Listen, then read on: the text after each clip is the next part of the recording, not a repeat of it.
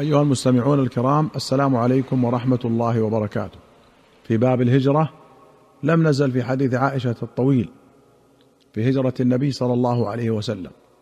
قالت: ثم لحق رسول الله صلى الله عليه وسلم وأبو بكر بغار في جبل ثور فكمنا فيه ثلاث ليال يبيت عندهما عبد الله بن أبي بكر وهو غلام شاب ثقف لق يدلج من عندهما بسحر فيصبح مع قريش بمكة كبائت فلا يسمع أمرا يكادان به إلا وعاه حتى يأتيهما بخبر ذلك حين يختلط الظلام. ويرعى عليهما عامر بن فهيرة مولى أبي بكر منحة من غنم فيريحها عليهما حين تذهب ساعة من العشاء فيبيتان في رسل وهو لبن منحتهما ورذيفهما حتى ينعق بها عامر بن فهيرة بغلس يفعل ذلك في كل ليلة من تلك الليالي الثلاث. واستأجر رسول الله صلى الله عليه وسلم وأبو بكر رجلا من بني الديل هاديا خريتا. والخريت الماهر بالهداية. قد غمس حلفا في آل العاص بن وائل السهمي وهو على دين كفار قريش. فأمناه فدفع إليه راحلتيهما وواعداه غار ثور بعد ثلاث ليال براحلتيهما. فأتاهما صبح ثلاث. فارتحلا وانطلق معهما ابن فهيرة والدليل الديلي فأخذ بهم أسفل مكة وهو طريق الساحل. قال ابن شهاب فأخبرني عبد الرحمن بن مالك المدلجي وهو ابن أخي سراقة بن جعشم أن أباه أخبره أنه سمع سراقة بن جعشم يقول جاءنا رسل كفار قريش يجعلون في رسول الله صلى الله عليه وسلم وأبي بكر دية كل واحد منهما من قتله أو أسره. فبين أنا جالس في مجلس قوم بني مدلج أقبل رجل منهم حتى قام علينا ونحن جلوس. فقال يا سراقة إني قد رأيت انفا أسودة بالساحل أراها محمدا وأصحابه. قال سراقة فعرفت أنهم هم. فقلت له إنهم ليسوا بهم ولكنك رأيت فلانا وفلانا انطلقوا بأعيننا يبتغون ضالة لهم.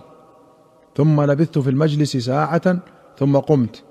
فدخلت فأمرت جاريتي أن تخرج بفرسي وهي من وراء أكمة فتحبسها علي. وأخذت رمحي فخرجت به من ظهر البيت. فخططت بزجه الأرض وخفضت عالية حتى أتيت فرسي فركبتها. فرفعتها تقرب بي حتى دنوت منهم. فعثرت بي فرسي فخررت عنها.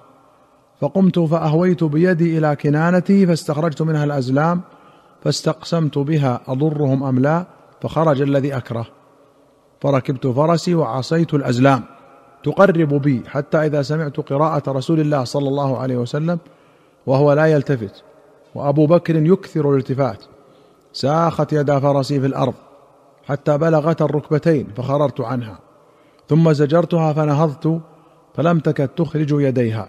فلما استوت قائمة إذا لأثر يديها عثان ساطع في السماء مثل الدخان.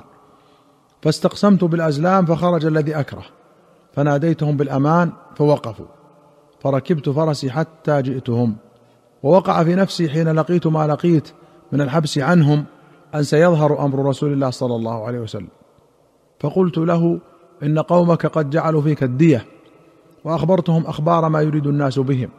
وعرضت عليهم الزاد والمتاع فلم يرزآني شيئا ولم يسألاني إلا أن قال أخف عنا ما استطعت. فسألته أن يكتب لي كتاب أمن فأمر عامر بن فهيرة فكتب لي في رقعة من أديم. ثم مضى رسول الله صلى الله عليه وسلم. قال ابن شهاب فأخبرني عروة بن الزبير أن رسول الله صلى الله عليه وسلم لقي الزبير في ركب من المسلمين كانوا تجارا قافلين من الشام. فكسى الزبير رسول الله صلى الله عليه وسلم وأبا بكر ثياب بياض وسمع المسلمون بالمدينة بمخرج رسول الله صلى الله عليه وسلم من مكة. فكانوا يغدون كل غداة إلى الحرة فينتظرونه حتى يردهم حر الظهيرة. فانقلبوا يوما بعدما أطالوا انتظارهم فلما أووا إلى بيوتهم أوفى رجل من يهود على أطم من اطامهم لأمر ينظر إليه فبصر برسول الله صلى الله عليه وسلم وأصحابه مبيضين. يزول بهم السراب. فلم يملك اليهودي أن قال بأعلى صوته يا معشر العرب هذا جدكم الذي تنتظرون. فثار المسلمون إلى السلاح فتلقوا رسول الله صلى الله عليه وسلم بظهر الحرة. فعدل بهم ذات اليمين حتى نزل بهم في بني عمرو بن عوف وذلك يوم الاثنين من شهر ربيع الأول. فقام أبو بكر للناس وجلس رسول الله صلى الله عليه وسلم صامتا. فطفق من جاء من الأنصار ممن لم يرى رسول الله صلى الله عليه وسلم يحيي أبا بكر. حتى أصابت الشمس رسول الله صلى الله عليه وسلم فأقبل أبو بكر حتى ظلل عليه بردائه فعرف الناس رسول الله صلى الله عليه وسلم عند ذلك. فلبث رسول الله صلى الله عليه وسلم في بني عمرو بن عوف بضع عشرة ليلة وأسس المسجد الذي أسس على التقوى وصلى فيه رسول الله صلى الله عليه وسلم. ثم ركب راحلته فسار يمشي معه الناس حتى بركت عند مسجد الرسول صلى الله عليه وسلم بالمدينة وهو يصلي فيه يومئذ رجال من المسلمين. وكان مربدا للتمر لسهل وسهيل غلامين يتيمين في حجر أسعد بن زرارة. فقال رسول الله صلى الله عليه وسلم حين بركت راحلته هذا إن شاء الله المنزل. ثم دعا رسول الله صلى الله عليه وسلم الغلامين فساومهما بالمربد ليتخذه مسجدا. فقال بل نهابه لك يا رسول الله. فأبى رسول الله صلى الله عليه وسلم أن يقبله منهما هبة حتى ابتاعه منهما ثم بناه مسجدا.